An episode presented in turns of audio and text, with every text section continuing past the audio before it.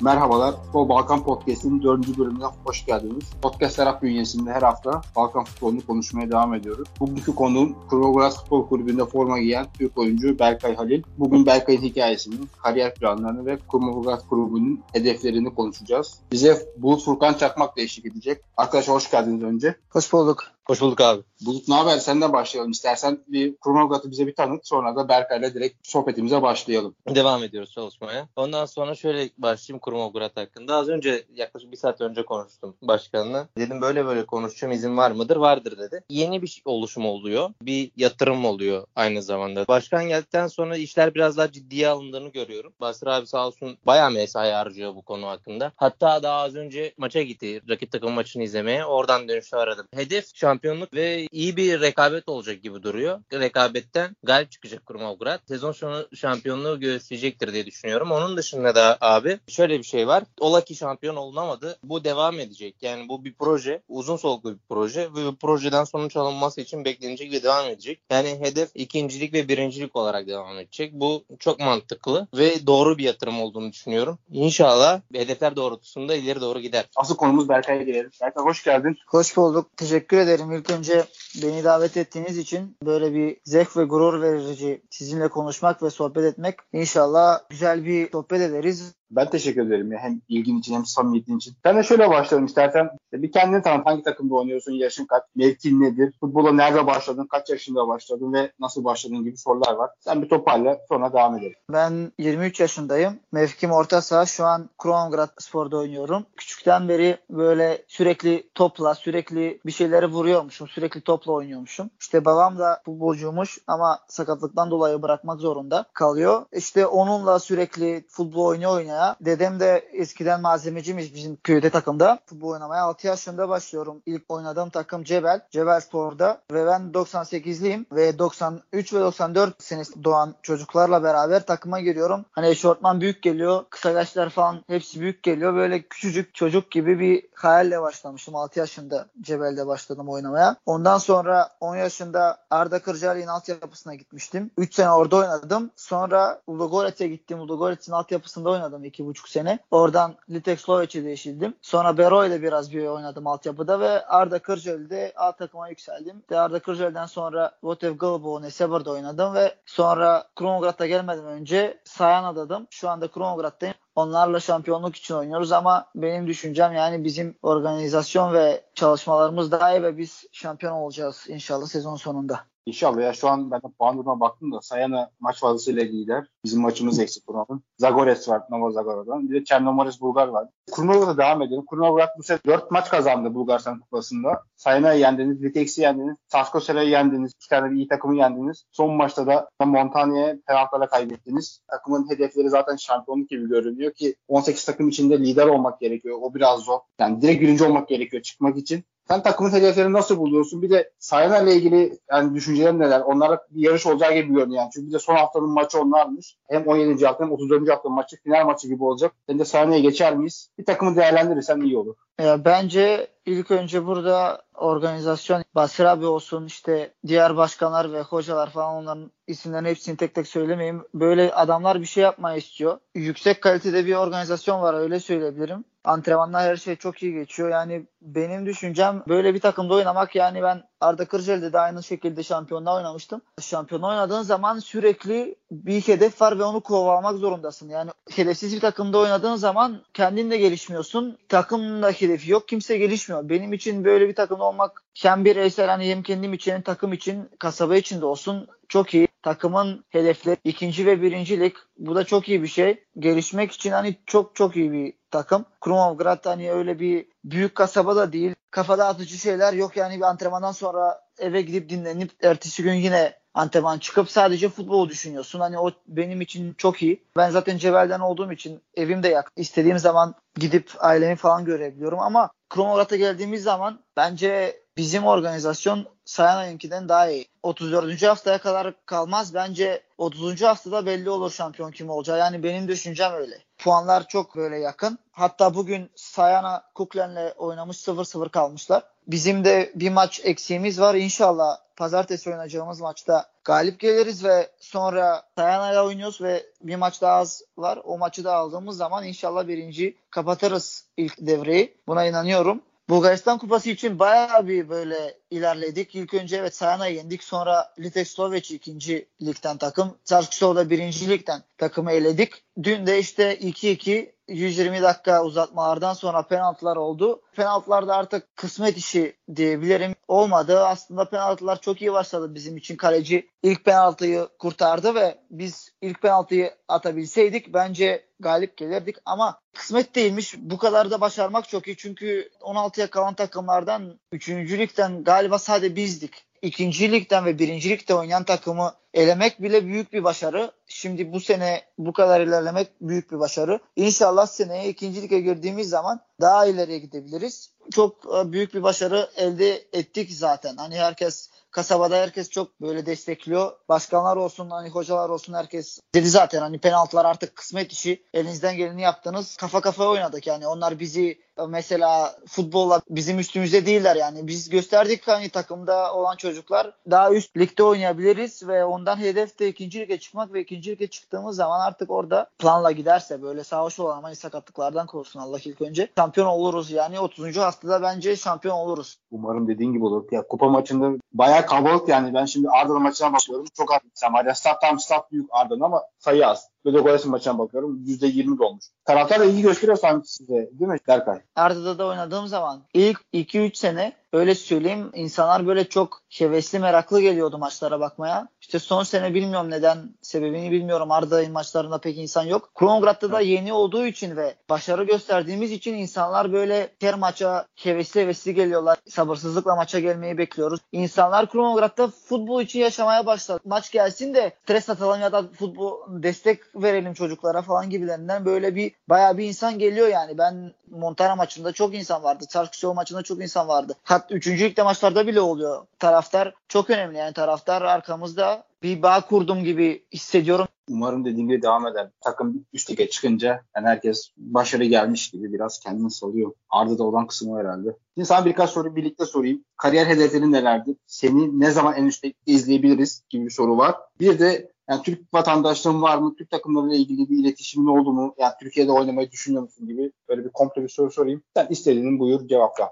Şöyle söyleyeyim hedefsiz yaşamayı da sevmiyorum normalde. Hayatımda da futbol dışında her zaman hedefler koymak çalışıyorum kendime. Futbolda büyük hedefler koymaya bakıyorum. İnşallah Süper Lig'de inşallah Süper Lig'den sonra Avrupa'ya yükselebilirim. Her şey mümkün. İlk önce Krumograd'la ikinci lige çıkmak. İnşallah birinci lige çıkarız. Oradan Türkiye'ye gelip Türkiye'de oynayıp Türkiye'den de Avrupa'ya gitmek hedeflerim. Öyle söyleyeyim kısacası. Küçükten beri hayalim Türkiye'de oynamak için her şeyi yapıyoruz ailecek diyebilirim. Çünkü Türk vatandaşlığım yok. Oturma iznim var. Başvuru yaptık. En kısa zamanda o da olur ve Türkiye'ye gelebilirim oynamaya. Türkiye'ye gelince PTT mi olur fark etmiyor. Oradan yükselmek yani. ilk hedefim o. Ondan sonra iyi oynayınca, iyi sezon çıkarınca Türkiye'de Bulgaristan'dan daha fazla insan var. Daha fazla futbol izleniyor ve inanıyorum izlerlerse böyle iyi sezon yaptığım zaman da Türkiye'ye gelince bence yükselebilirim. O bana bağlı. Hani nasıl bir performans göstereceğim ama inşallah şu an sıkıntı pasport sadece. Pasportum çıkınca bence diğer şeyler olacak. Umarım her şey istediğin gibi olur. Bu soruların varsa sen de buyur. Berkay'a ben bir şey soracağım. Kuklen maçında bir frikik oldu. Ahmet abiyle sen geldin topun başına son dakikalara doğru. Orada Ahmet abi sana bir şey dedi ve sen çekildin Ahmet abi vurdu. Nasıl bir diyalog geçti aramızda? Evet orada friki ben vurmak istemiştim. Çünkü Kuklen maçından önceki son iki maçta frikikten gol atmıştım. Ve zaten küçükten beri frikikleri sürekli çalıştığım bir özellik üstüne gidiyorum. Kendimi daha emin hissetmiştim yani dedim Ahmet abi böyle bırakır mısın yani ben ben vurmak istiyorum. Zaten son dakika iyi hissediyorum dedim. Yok dedi ben vuracağım dedi. O da işte böyle üstün oldu. Ben vurmak istiyorum dedi. İşte ben de yani Cavani ve Neymar nasıl tartışmıştı. Öyle bir tatsızlık olmaması için bıraktım yani sonuçta benden daha büyük, benden daha tecrübeli. Tecrübesine güvenerek bıraktım ama işte onun da frikikten sonra vuruşu iyi değildi. Yani her zaman her bir vuruş %100 iyi olacak diye bir şey yok. Maalesef hani o atamadı ama işte öyle bir normal bir diyalog yani bir maç sırasında oluyor öyle. Bazen o bırakır, ben vururum.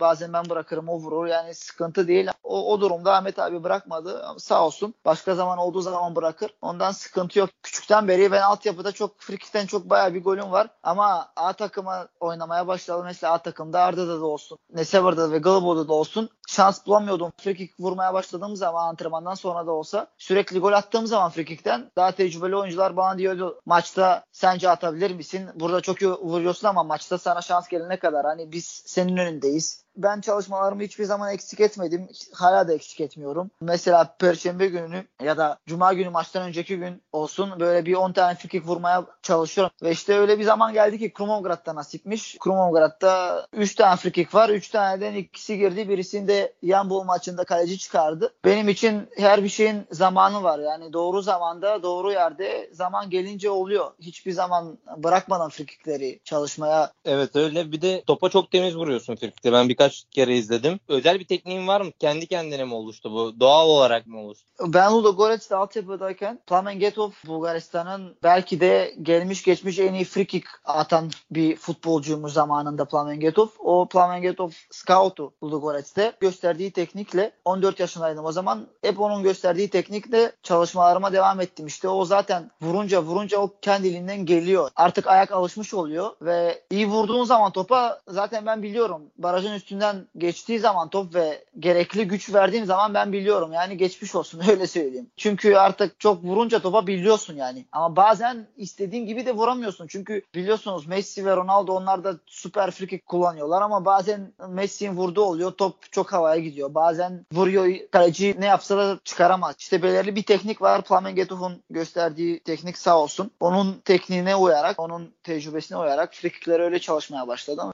Bulgaristan'daki antrenman ve hocaların seviyesi ne durumda? Aldığı antrenman eğitimlerimize bahsedebilir mi? Yeterli görüyor mu? Ve kendine özel bir antrenman yapıyor mu? Yediğine işine dikkat ediyor mu gibi iki tane soru vardı. Hasan Bahar ve Emre Kodalak arkadaşımın. Biraz uzun bir soru. Evet ilk önce e, altyapıyla başlayayım. Yani bayağı bir uzun soru evet cevap vereceğim şimdi. Altyapıda ben Ludogorets'e gittiğim zaman özellikle Ludogorets çok farklı bir seviyede Bulgaristan'da. Onu söylemek zorundayım. Yani onlar bir sistem oturttular artık 10 senedir şampiyon oluyorlar. Ben Ludogorets'e ikinci ikinci, üçüncü ve dördüncü defa şampiyon oldukları zaman oradaydım. Ludogorets'te orada yani hocalar sürekli eğitime gidiyorlardı. Ben orada kan mesela Barcelona'nın altyapı hocalarından eğitim alıyorlardı. Atletico Madrid'in hocalarından eğitim bayağı bir e, eğitimlere gönderiyorlardı yani Ludogorets'ten bizim hocalarımızı. Bir sistem oturuktu yani. Onlar aynı böyle nasıl desem Barcelona'nın tarzı gibi oynamamızı istiyorlar. Kısa paslar, sürekli bizde olsun pozisyon yaratmaklar. Benim için Ludogorets'te aldığım eğitim, iki buçuk sene oradaydım. Aldığım eğitim beni futbolcu gibi böyle böyle bir nasıl desem eğitti yani benim bir profil yaptı. Ludogorets'e gitmeden önce ben açıkça söyleyeyim taktik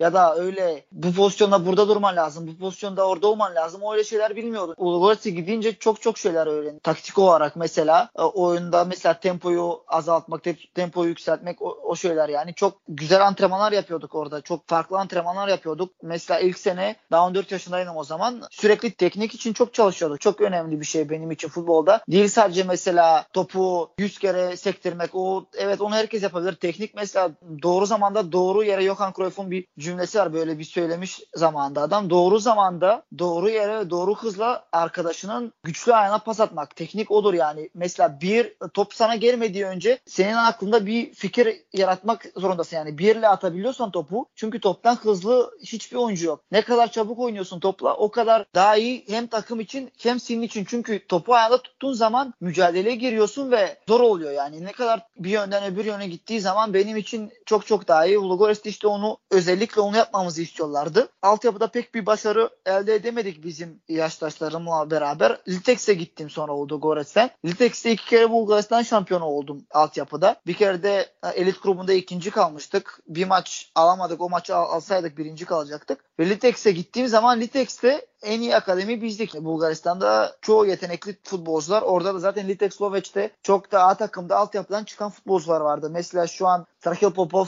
kaptan da o zaman. Strahil Popov şu an Hatayspor'da oynuyor. 5 senedir de Türkiye'de oynuyor. İşte bayağı bir futbolcu altyapıdan çıkıp Avrupa olsun ya da Türkiye olsun transferler yaptılar. Litek Sloveç'te hücuma çok şey yapıyorlar. Çünkü onlar sürekli böyle nasıl desem Bayern Münih gibi bir strateji. Sürekli hücumda, sürekli pres altında istiyorlar oynamamızı, sürekli de atak yapmamızı istiyorlardı. Litek Sloveç'te de onları öğrendim. Bero'ya gittiğim zaman ise şimdiye kadar hiç çalışmamıştık. Ne oldu? Gores Litek'te defansta oynamadı. Bende o bir eksik yani altyapıda. Bero'ya gidince de Bero'ya biz 6. 7. sırada bitirdik elit grubunda yanılmıyorsam. Daha çok defansif oynayıp daha çok kontra ataklara çıkıyorduk. Orada defansif oynamayı öğrendiğim söyleyebilirim. Bulgaristan'da altyapılara Ludogorets olsun, Botev Pozit olsun, Slavia Sofia olsun. O takımlarda baya bir önem veriyorlar oyuncuların gelişmesine. Ludogorets'te hatta benim zamanımda yoktu. Şu an ikinci takımda var. Üçüncü takımda var. 15 yaşından 16 yaşına girdiğin zaman A takım gibi bir şey yaptılar. Orada da istiyorlar daha tecrübeli oyunculara karşı oynamayı istiyorlar ve onların benim için gelişme düşüncesi böyle çok iyi. Çünkü her sene şampiyon olmak, Şampiyonlar Ligi'nde oynamak. Altyapıya bence Bulgaristan'a daha çok önem verebilirler. Çünkü bence Türkiye'de de aynı bir sıkıntı. O Bulgaristan'da aynı bir sıkıntı. 19 yaşından sonra altyapıdan çok az çocuk A takıma yükseliyor. Çok yabancı futbolcular alıyorlar Bulgaristan'a olsun. Türkiye'de de aynı şekilde. Bence bir milli takım başarılı olması için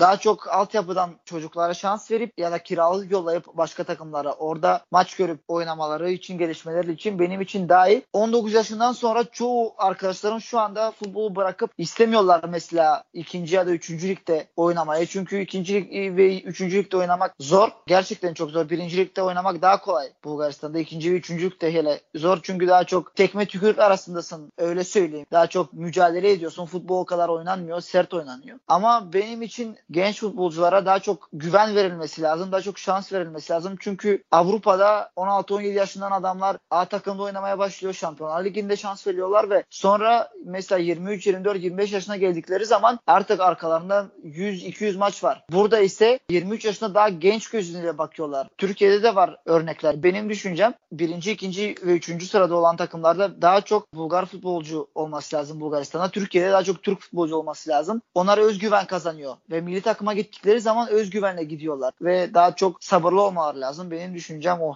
Yani kendi özel antrenman yapıyorum demişsin zaten. 7'de işine falan dikkat ediyor musun? Evet. Özel antrenman için evet, Cüneyt abiye örnek verdiniz. Evet Cüneyt abi iyi bir örnek bizim takım için. Ben sosyal medyalara fazla paylaşmıyorum aslında. Takımda bana isim taktılar. Bana böyle manyak diyorlar. Çünkü ben antrenman olsun, uyku, beslenme o konularda çok dikkat ediyorum. Küçükten beri mesela Sofya'da özel hocam var. Devre arasında Sofya'ya kadar gidip onunla çalışıyorum mesela. 10-15 gün kadar boyunca çalışıyorum. Sofya'ya gidemediğim zaman sezon zamanında onun yaptığı programla çalışıyorum. Benim için bir buçuk iki saat takımla yaptığın zaman antrenman yeterli değil. Bir şey elde etmek istiyorsan eğer başarmak istiyorsan antrenmanlardan çok daha önemli dinlenme, uyku, beslenme. Çünkü antrenmandan sonra yediğimiz içtiğimiz çok önemli. Çok antrenman yapıyorum diyorsun ama beslenmediğin zaman, iyi uyku almadığın zaman benim için oradan sorunlar geliyor. Mesela sakatlık olsun ya da motivasyon düşüşü ya da mod düşüşü. Mesela gün motive oluyorsun bugün fitness'e gideceğim hani çalışacağım. Diğer gün çalışma canını istemiyor. O uykudan ileri geliyor. İyi uyku aldığın zaman, iyi beslendiğin zaman benim için iyi bir performans gösterebilirsin. Çünkü yemek benim için çok önemli. Yediğimiz yemek beynimize de etki ediyor yani. Benim düşüncem o. Elbette bir balans olması lazım. Sürekli bunu yememem lazım ya da bunu içersem kötü olurum ya da bunu yersem kötü olurum diye öyle bir düşüncem yok yani.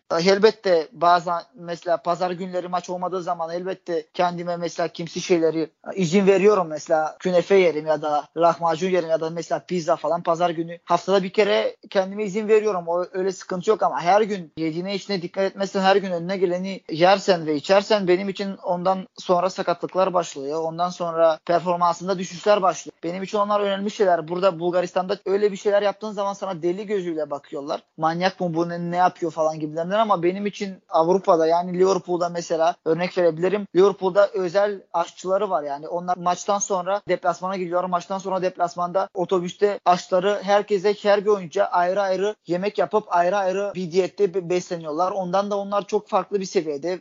Onlara ermek çok çok zaman alır ve bilmem onların seviyesine yetişebilir miyiz? Her bir profesyonel futbolcu onu yapmak zorunda. Ben Berkay'ı canlı izlerken yani altyapı eğitiminin çok büyük etkisi olmuş. Direkt kafasını kaldırıyor. Direkt kafanı kaldırıp en yakın oyuncu bulmaya çalışıyorsun. Ama ben burada eksik bir yanını gözlemledim. Sırtını çizgiye verdiğin zaman geniş açıyı değil de önce en yakını görüyorsun. Bu da bazen senin daha fazlasını yapabileceğini gördüğüm için benim kendi görüşüm bu. 50-60 metreye o pas atabileceğini düşündüğüm için direkt neden geniş oynamıyorsun yoksa onu görmek ya da kendine güven eksikliği mi var bu konuda? Belki de senin izlediğin maçlarda belki öyle pozisyon olmadı uzun pas atmaya. Genelde ileriye oynayabiliyorsam uzun pas ya da olsun ya da ara pas atabildiğim zaman atmaya çalışıyorum. Özgüvenle bir alakası yok. Senin dediğin gibi yani mesela direkt oynamaya bakıyorum. Belki sen görmemişsindir. Belki maçın temposu düşmüştür. Pası verince benim arkadaşım nasıl pozisyonda bulunacak ve o topu nasıl işleyebilir? Çünkü mesela belki pozisyon olmuştur. Senin de dikkatini çekmiştir. Kafamı kaldırmışımdır. Uzun pas atmamışımdır. Mesela atabildiğim yerde hücumda yeterince arkadaşımız yoksa o pası atarsam ona top kaybı olur. O kontrol edebilir ama defans kapatır onu ve pozisyon ölür yani. Gün oldukça dalı pas yapmamaya bakıyorum. Öyle söyleyeyim. Son bir soru soracağım. Üçlü mü dörtlü mü? Dörtlü daha iyidir. Ama bazen de üçlü oynadığın zaman rakip takıma sürpriz yapabiliyorsun. İşte o çok antrenman yapıp çok çalışmalar yapıp taktik uygulaması. Öyle hani bugün üçlü çıkıyoruz deyip de çıkamazsın. Benim için dörtlü her zaman daha iyi defans futbol mu hücum futbol mu? Hangisini tercih edersin? Ben her zaman hücum futbolunu tercih ederim. Çünkü de hücuma daha yatkın olduğum için her zaman hücum futbolunu düşünürüm. Çünkü benim için ileride pres yaptığın zaman, kaptığın zaman daha tehlikeli oluyorsun. Arkaya kapanıp ve atak yaptığın zaman daha zor oluyor. Benim için pres yaptığın zaman tehlikeli olabilirsin. Hücum futbolu benim için her zaman birinci yerde. Yani benim de tercih edeceğim hücum futboldu. Senin de tanıdığın Ozan Remzi vardı. Onunla bir yazılı röportaj evet. yapmıştık. Ozan ben Ludogorets altyapıdayken o daha çok küçüktü. O da Ludogorets'in altyapısındaydı. Hala şu anda oynuyor Ludogorets'te. Ozan sevdiğim bir dostum. O da orta saha mevkin oynuyor. Kendini idol olarak gördüğün futbolcular kimler? Türk, Bulgar, yabancı hepsi olabilir. Ve kendi tarzını benzettiğin bir oyuncu var mı? İdolüm hem Cristiano Ronaldo hem Messi. Cristiano Ronaldo benim için futbola çok çok odaklanan biri. Yaşam tarzı ve onun zihni sürekli kazanma mentalitesi örnek aldığım birisi. Sürekli kazanmak istiyor ve sürekli aç başarıya aç yani ve çok antrenmanla bu seviyeye gelmiş ve neden Messi? Çünkü Messi de benim gibi küçük yani ben sürekli altyapıda da olsun A takıma çıktığım zaman da çok eleştiri almışımdır. Hani küçük olduğumdan dolayı altyapıda söylüyorlar sen futbol oynayamazsın, küçüksün, fiziğin e, yeterince iyidir gibilerinden. İşte ben de küçükten beri başladım fiziğimin üstünde çalışmaya. Mesela şu an iyi bir kas seviyesine sahibim söyleyebilirim. Çünkü özel antrenmanlarla iyi beslendiğin zaman güçleniyorsun. Mesela boya gitmedi. Boyum 1.66. Yani Messi'nin de 1.69. Küçüğüm ya. Ama işte Messi'yi de ondan seviyorum. Küçük ve küçük olmasına rağmen bu dünyanın en iyi futbolcularından biri. Bu adam dünyanın en iyi futbolcusu olduysa fizikle olmadı ki. Bu adam zekasıyla ve çabukluğuyla senin kasların esnek ve sağlam olduğu zaman sen çevik ve kıvrak olduğun zaman sana faul yapmadıkları zaman balansın iyi olduğu zaman benim için fiziğin iyidir yani. Sen Allah yaratmış seni sonuçta. Ben de istiyorum mesela 1.80 boyunda olmayı ama Allah öyle sevmiş öyle yaratmış yani. Ben bunu değiştiremem ve oynayış tarzım Iniesta ve Xavi'ye yakın. O mevkide de oynadığım için sürekli onların videolarını izliyorum. Onların oyun tarzı en yakın benim oyun tarzıma söyleyebilirim. Benim hoşuma giden Türk futbolculardan biri Kerem Aktürkoğlu, diğeri de Abdülkadir Ömür Trabzonspor'da. İkisini çok beğeniyorum. İnşallah ileride onlarla bir takımda olurum, oynayabilirim. Belli olmaz. Bulgaristan'da da sevdiğim orta sahada oynayan oyuncu Serkan Hüseyin'i söyleyebilirim. Kendisiyle tanışmıyorum ama izliyorum maçlarını ve benim tarzıma yakın onun da tarzı var. Bir iki konusunda kimi seçersin? Örnek aldığın birisi var mı? Frikik konusunda Jovinko'yu söyleyebilirim. Sebastian Jovinko Berkay şimdi Ahmet Osman dedin. Ahmet abi zaten Arda'yı 111'e çıkartan isim. Benim herhalde kahramanlardan birisi bu futbolunu takip ettiğinden beri. Şimdi sizin takımda da not ettiğim veya görebildiğim alttan Türk oyuncu var. Ahmet Osman, Cüneyt Yaşar, Eray Karadayı, sen, Oktay Hüseyin, Berkay Akif. Eksik varsa tamamla bizi. Şimdi biraz sert sorular diyelim buna. Yani Bulgaristan Türk olmanın bir zorluğunu yaşadı mı Berk? Bir ayrım var mı sence?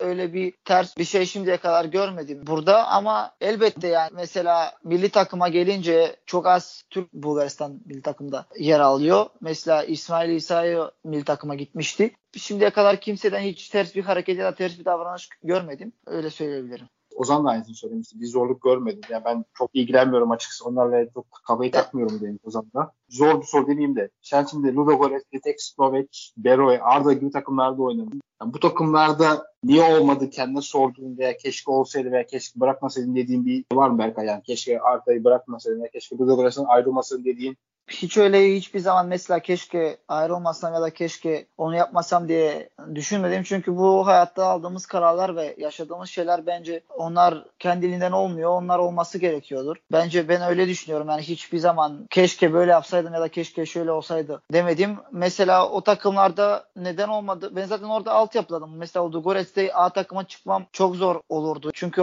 Ludogorets'te çok yabancı var. Çok az Bulgar futbolcu var. Litek Slovaç'ta evet. Litek A takıma çıkmam daha kolaydı ama Slovaç daha sonra işte CSKA Sofia ismini aldı. Onlar da Sofia'ya değişti. Öyle oldu. Beroe'de de tam o zaman da A takımın hocası altyapıya pek önem vermiyordu. İşte bir kısmet diyeyim yani. Belki yeterince ben de kendimi göstermemişimdir. Arda'da da aynı şekilde. Mesela Arda'da da yeterince şans bulamadığımı düşünüyorum. Bence yeterince şans bulsaydım ve o şansı değerlendirmemiş olsaydım kendime kızardım ama özellikle Arda'da yeterince şans bulmuş olsaydım mesela daha iyi olabilirdi ama onlar bana yeterince şansı göstermedikleri için şu an biraz böyle sıkıntılık var diyelim biraz. Evet öyle söyleyebilirim ama belki bende de sorun vardır. Belki ben de yeterince gelişmemişimdir o zaman ya da ne bileyim belki hocanın stili benim oynadığım stile yakın değildir. Hayırlısı daha futbolun başındayım. Daha önümde çok geçecek yol var. İlk hedefim Türkiye'ye gelmek. Daha kolay patlarım ve daha iyi başarılı olabilirim. Yani benim düşüncem o.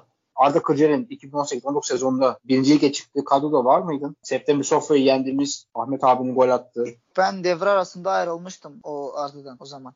Aşkın abinin bir sorusu var bizim WhatsApp grubunda. Üçüncülük deyip Yılmaz'ın önünde Kerem Aktürkoğlu gibi bir örnek var. Üçüncülükteki sertlik daha sonraki üst liglerde ona avantaj sağlar mı? Yoksa yedi tekmeler kar mı kalır? Dediğim gibi biraz önce Kerem Aktürkoğlu yaptığı transferle ve şu an oynadığı oyunla çok gence böyle bir heves kattı. Çok e, iyi bir örnek. Kerem Aktürkoğlu 3. ligden direkt Süper Lig'e transfer oldu ve Süper Lig'den şu an milli takımda ve işte bu Kerem Aktürkoğlu çok futbolcu var. ikinci ve üçüncülükte tekme tükürüklerin arasında olan. Üçüncülükte gördüğüm sertlik birincilikte bir yerde top oynadığım zaman benim için daha kolay olur. Çünkü birincilikte daha çok taktik ön plana çıkıyor. Bir futbolcu geç kaldığı zaman zaman olduğu pozisyondan dönmediği zaman o po- geç kaldığı pozisyondan gol girebilir. Üçüncülükte ise pozisyon pek falan taktik yok. Üçüncülükte daha çok sert futbol oynanıyor. Daha çok hava topları oynanıyor. Elbette üçüncülükte olmamın bir sebebi vardı. Belki de bunları görmem lazım. Üst seviyeye çıktığım zaman bunlar bana bir örnek ve bir yardım gibi olabilir. Çünkü belki de 19 yaşında birincilikle çıkmış olsaydım çoğu şeylerin farkında olmazdım. Hiçbir şey için keşke demiyorum. Her bir şey, her bir yaşadığım şey benim için bir katkıdır. Bu şeylerin de bana kat katkı edeceğini biliyorum. İnşallah en kısa zamanda birinci lige çıktığım zaman ya da Türkiye'de Avrupa'ya gittiğim zaman hatırlarım 3. ligde tekmelerin arasından kötü sahaların arasından üst seviyeye yükseldim ve iyi durumdayım. Bence bunlar bana ileride katkısı olur. Berkay son birkaç soruyla bitirelim. Boş zamanlarını nasıl geçiyor? Bir kısa anlatırsan bize. Zamanımız biraz fazla oldu. Bir de futbol dışında herhangi bir spor takip ediyor musun? Boş zamanlarımda kitap okumayı seviyorum. Maçlara bakıyorum, maçları izlemeye bakıyorum. Türk maçlarını çok izlemiyorum şu an Kromograd'da. Lig TV ya da Bein Sport onlar yok. Onları daha çok özetlere bakıyorum. Boş zamanlarımda daha çok kitap okumayı, dinlenmeyi, maçlara bakmayı seviyorum. Futbol dışında tenisi çok seviyorum. Hatta babamla sürekli oynuyoruz. Zevk aldığım bir spor. Büyük turnuvalar olduğu zaman, Laurent Garros gibi turnuvalar olduğu zaman onu teniste takip ediyorum. Boş zamanlarım nasıl geçiyor? Ailemle geçirmeye bakıyorum. Yakınlarımla geçirmeye geliştirmeye bakıyorum. Tenis duymak çok iyi oldu. Benim için de bilir zaten. Bu da daha öndedir. Yani Federer zaten herhalde hayatımın en önemli insanı. O bazen öne geçiyor benim Federer'in zamanında şu an kimse olmadığı için. Tekrar futbola döndük. Hatta Bulgaristan Ligi'ne döndük. Federer olmadığı için diyelim. Hafta sonu Galatasaray Fener derbisi var. Galatasaray Fenerbahçe derbisi var. Evet çok büyük bir derbi. Tabii Türkiye'de değil dünya çapında da en büyük derbilerden biri. Hangi takımı tuttuğumu söylemek istemiyorum. Her şey olabilir. İleride evet. ondan şu an bir şey söylemek istemiyorum. Evet e, sabırsızlıkla bekliyorum derbi. Kısmetse telefondan olsa bile izlemeye çalışacağım. Veya son eklemek istediğin bir şey varsa abi bunu söylemedin, bunu konuşmadık dediğin bir şey varsa buyur. Yoksa kapatalım çünkü süremiz biraz açtı. Teşekkür ederim ilk önce bu röportaj için. Bunu dinleyen tüm gençleri sesleniyorum. Sadece gençlere de her bir insana sesleniyorum. Hayallerinizin peşinden asla vazgeçmeyin. Gidin sonuna kadar. Çünkü bir gün keşke böyle yapsaydım nasıl olurdu diye düşünmeyin. Yani bence bir hayaliniz varsa kafanıza bir şey koyduysanız o illa oluyor. Yani her sabah benim yaptığım şey Allah'a şükretmek. En önemlisi o. Her zaman şükretmek, her zaman inanmak, her zaman hayalle yaşamak. Hayallerinizin peşinden gittiğiniz zaman bence o zaman yaşadığınızı hissediyorsunuz. O zaman insan olduğunuz, varlık olduğunuz ortaya çıkıyor. Bunu söylemek istiyorum. İkinize çok sağ olun arkadaşlar. Yani hem zaman ayırdınız. Ben teşekkür ederim abi. Ben de teşekkür ederim. Bu kaydı burada kapatalım. Bir dahaki hafta yine Balkan futboluyla görüşmek üzere.